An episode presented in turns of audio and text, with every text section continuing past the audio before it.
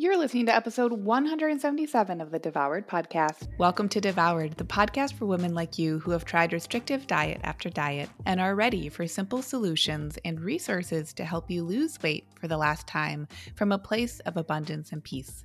If you're looking to end the yo yo of comfort eating and rigid weight loss protocols and instead step into living your life on your terms while losing weight in the process, you're in the right place.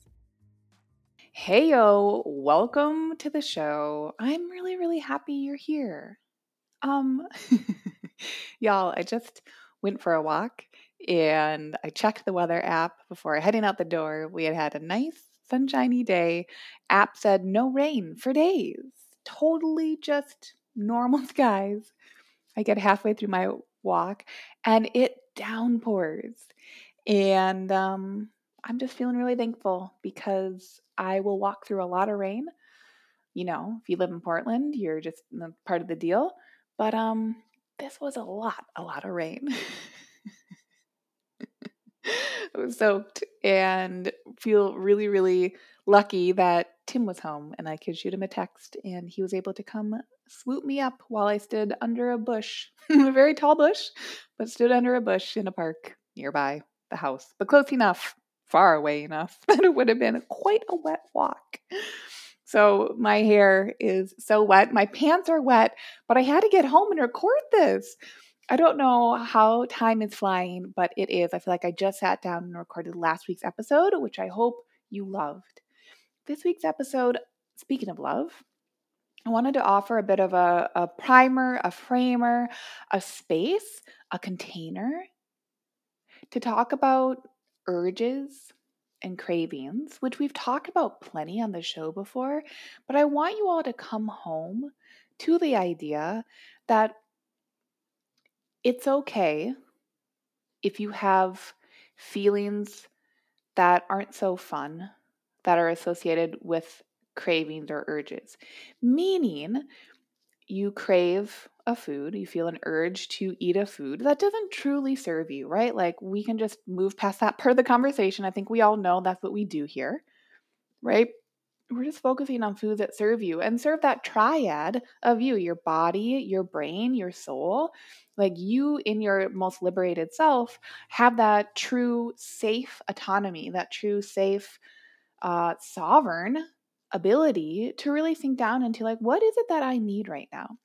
And so when I'm talking about urges or cravings, I'm talking about those urges or cravings that feel like when they're occurring, they feel like they distance us from how we actually want to be feeling. Like they're the types of things that we look back on in retrospect and we're like, why, why? You know, like the ones that we just feel some feelings around. So that's what I want to say first off is that this is a conversation where like all cravings are safe. The end all be all of like working together or of like rooting into and grounding down into discovering and being with what serves you isn't to never have another craving again. Like, if that's how you feel, I want to offer to you that that's some very structured, often kind of like diet culture thinking of feeling like you've got to be perfect, things have to always be flowy. It's all, you know, white modern aesthetic and the green matcha, but not often because it's just a treat. Like all that rhetoric, blah, blah, blah. no, you're a human, I'm a human. We're humans who are like figuring out this life experience together. And so, with that, what I want to be offering as a reminder this week is to remember that if you would like, your cravings and those urges towards food, you don't have to love them in the moment, okay? There's no emotional bypassing of like, yeah, you've got to feel so groovy when you're experiencing those. Like, no, they're going to feel how they're going to feel. But the purpose and this container that we're in in this episode is simply to remind you that if you would so like, if you'd like to make the choice to, it is available to you to be able to sink into love for those urges and cravings. And when I say love, I do not mean the surface level love, right? this is going to get a, you know, I did not come up. I don't even know who came up with this. You can let me know if you do. But like the idea that love is a verb, not a noun, I want you to consider that. When I say like loving your food urges or your food cravings, when we are practicing the act of allowing love for things that feel like they're outside of our control, beyond our responsibility, something we don't feel ownership over, which is how conventionally diet culture primes us to look at our cravings, to look at our urges, right? They say, like, those are bad. You do those kind of when you're being bad, just stick to the diet. You'll stay good, right? Like, the diet's going to keep you safe. That's not really how it goes. The diets can teach you things. The diets usually have struct- structures and frameworks that can be illuminating. Totally. Don't have to even negate that. The purpose of moving through and beyond diet culture is to understand the lessons that diet culture has taught you. And the same goes for food urges and food cravings. If we would so like, it is radically available to be able to sink into the lesson and not like, you know, hit your hand with a ruler, kind of like learn your lesson. Not at all. But like truly the lessons of like how would we like that craving and that food urge to fit into the scope of our lives? Because when we slow down and we go at our own pace, which is usually a different pace than what diet culture tells us our pace should be. Right? Our pace could be faster than diet culture, it could also be slower, most times it's slower from what I see. Diet culture is a very urgent culture, full of expectations.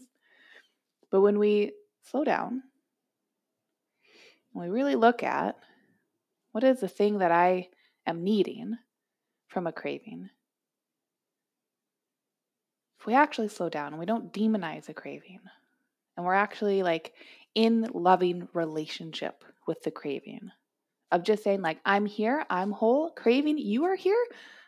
Dang, you're whole too, right? Like, I'm not trying to get rid of you. I'm just trying to be near you for a little bit instead of trying to push through you or push beyond you or around you. When we're in that loving relationship with food cravings and urges,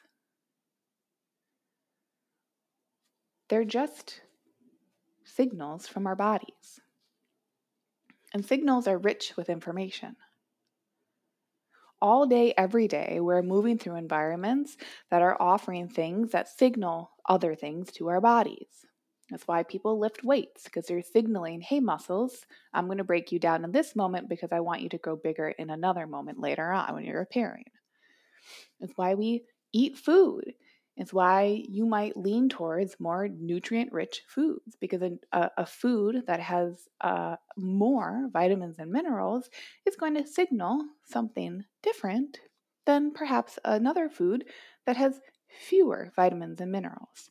One is not better than the other, but based on their signals and what it is that you're desiring to have those nutrients signal in your body, that makes all the difference. So the same goes for cravings and urges. And the difference here is that sometimes a food craving and a food urge can be more purely physical. Sometimes it is. You're craving chocolate because you're craving more calories, and chocolate is fatty and rich in easily assimilated fats. Maybe you're craving chocolate because it's a quick hit of sugar and the body that you have in this moment is experiencing a bit of a blood sugar low and so is asking for something sugary to get it out of that low pretty quickly. Maybe you're craving the cocoa in the chocolate because that cocoa is rich in magnesium and your body is feeling depleted in that nutrient. Maybe it's a combination of all three. So there can be cravings like that around food. Totally. But I think what creates interest in food cravings and food urges is that there's a layer of physical cravings and emotional needs. So I just want to create space in this week's episode to remind you that if you're coming home to these types of subjects, whether you're a newer listener or you are an OG listener, I just want you to honor that this is a relational process.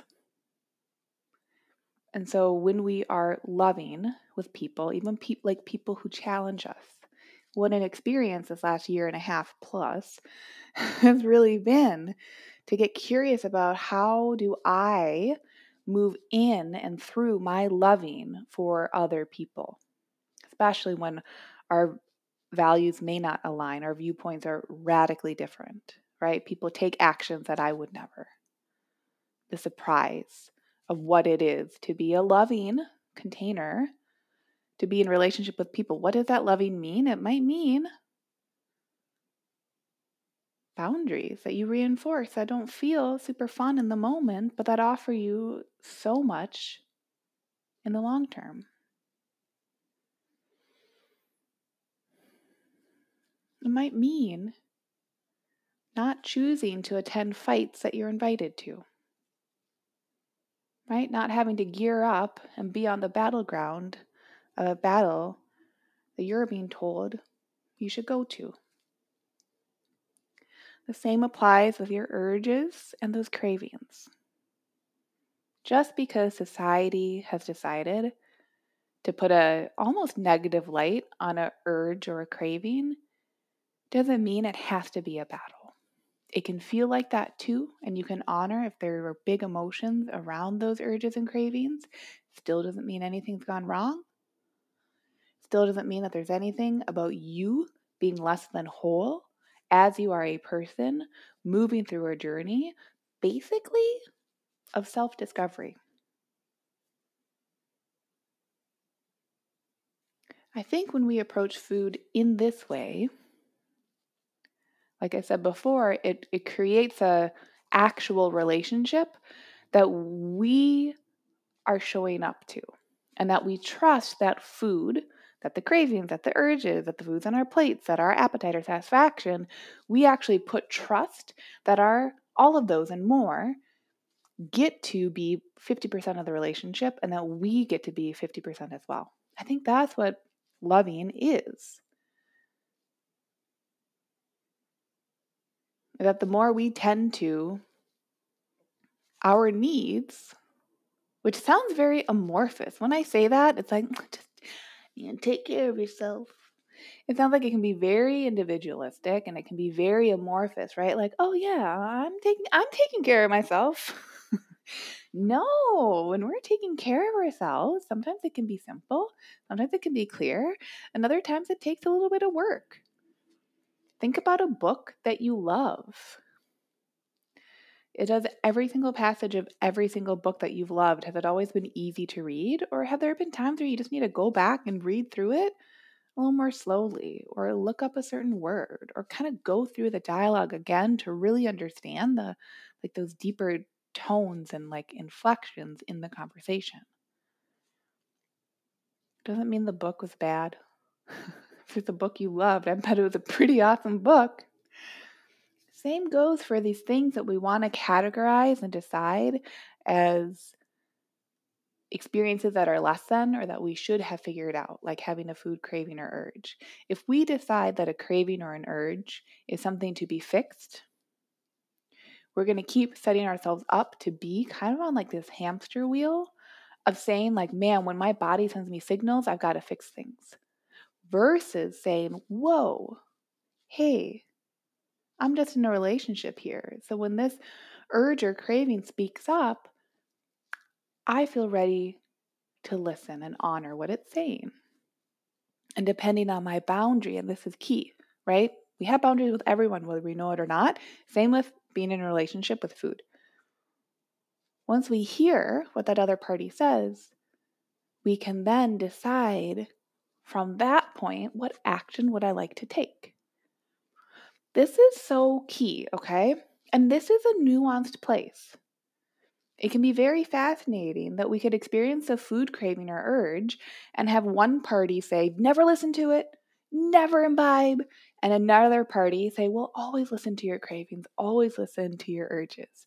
And another party say, only listen to the urges and cravings that are for these things and not for other things, right? It's a confusing place to be.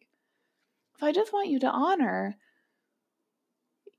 you're allowed to decide to listen to it all from what's coming within your body, those cravings and urges.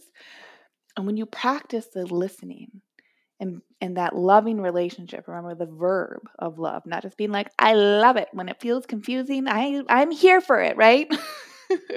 cool if you do. But also cool if you're like, this is weird. I'm not sure what to do, but I'm going to try it anyway. When you hold space, like literally, when you I want you to try this out this week. When you have a urge or a craving for a food, I want you to hold space for it for 5 minutes. The food most likely is not going anywhere. You most likely are not going anywhere. What would happen if you just held space for the feeling of the craving and the urge for 5 minutes? Would you listen to a new friend for 5 even if you're not sure what they're going to say. That's really what this process is. And you know what's fun and lean and liberated is that yes, it's a weight loss course. You're coming to it because you're saying, "Oh, I have like there's something that I want to change. I want to be on this process of reducing body fat." But these principles that you're learning, these are what create that liberation that allows that weight loss to be for the last time. It stops that ping ponging, that emotional ping ponging. It actually starts to like create and develop and tend to a inner relationship that can hold space for cravings and urges. It can hold space for what does my authentic hunger feel like? It can hold space for what does my satisfaction feel like? Right? That's the work that we do is we we actually create I've already said container a couple times on the show, but like we create that container of safety to say, yeah, when I know what foods serve me, because I practice that, and then I know what hunger level serves me, and I know what satisfaction level serves me. Well, then it's just rinse and repeat of showing up to the process each day and letting the results unfold as they will. So, will you try that out this week? Will you offer to yourself that you can have a strong and loving relationship with anyone and anything, including your cravings and urges? And what do we know is the most important basis for any relationship? Well, we know that's communication. So, are you just willing to listen without having to fix anything once you do? Try that out this week. And hey, let me tell you so, if you have been wanting to work with me in Lean and Liberated, if you have been wanting to work privately together and then to be in the group coaching and be in that community, right? Like, y'all, you get lifetime access here, right? Once you're in, you're in. You just get to move and groove at your pace, the way that your nervous system, your limbic system, right? Your heart, your soul, your brain, your body, all of it uh, gets to just be at your pace. I'm really going to encourage you to actually reach out to me sooner rather than later. Okay? This episode releases on October 7th of 2021. So if you're just catching up, this part isn't going to apply to you because this is time sensitive.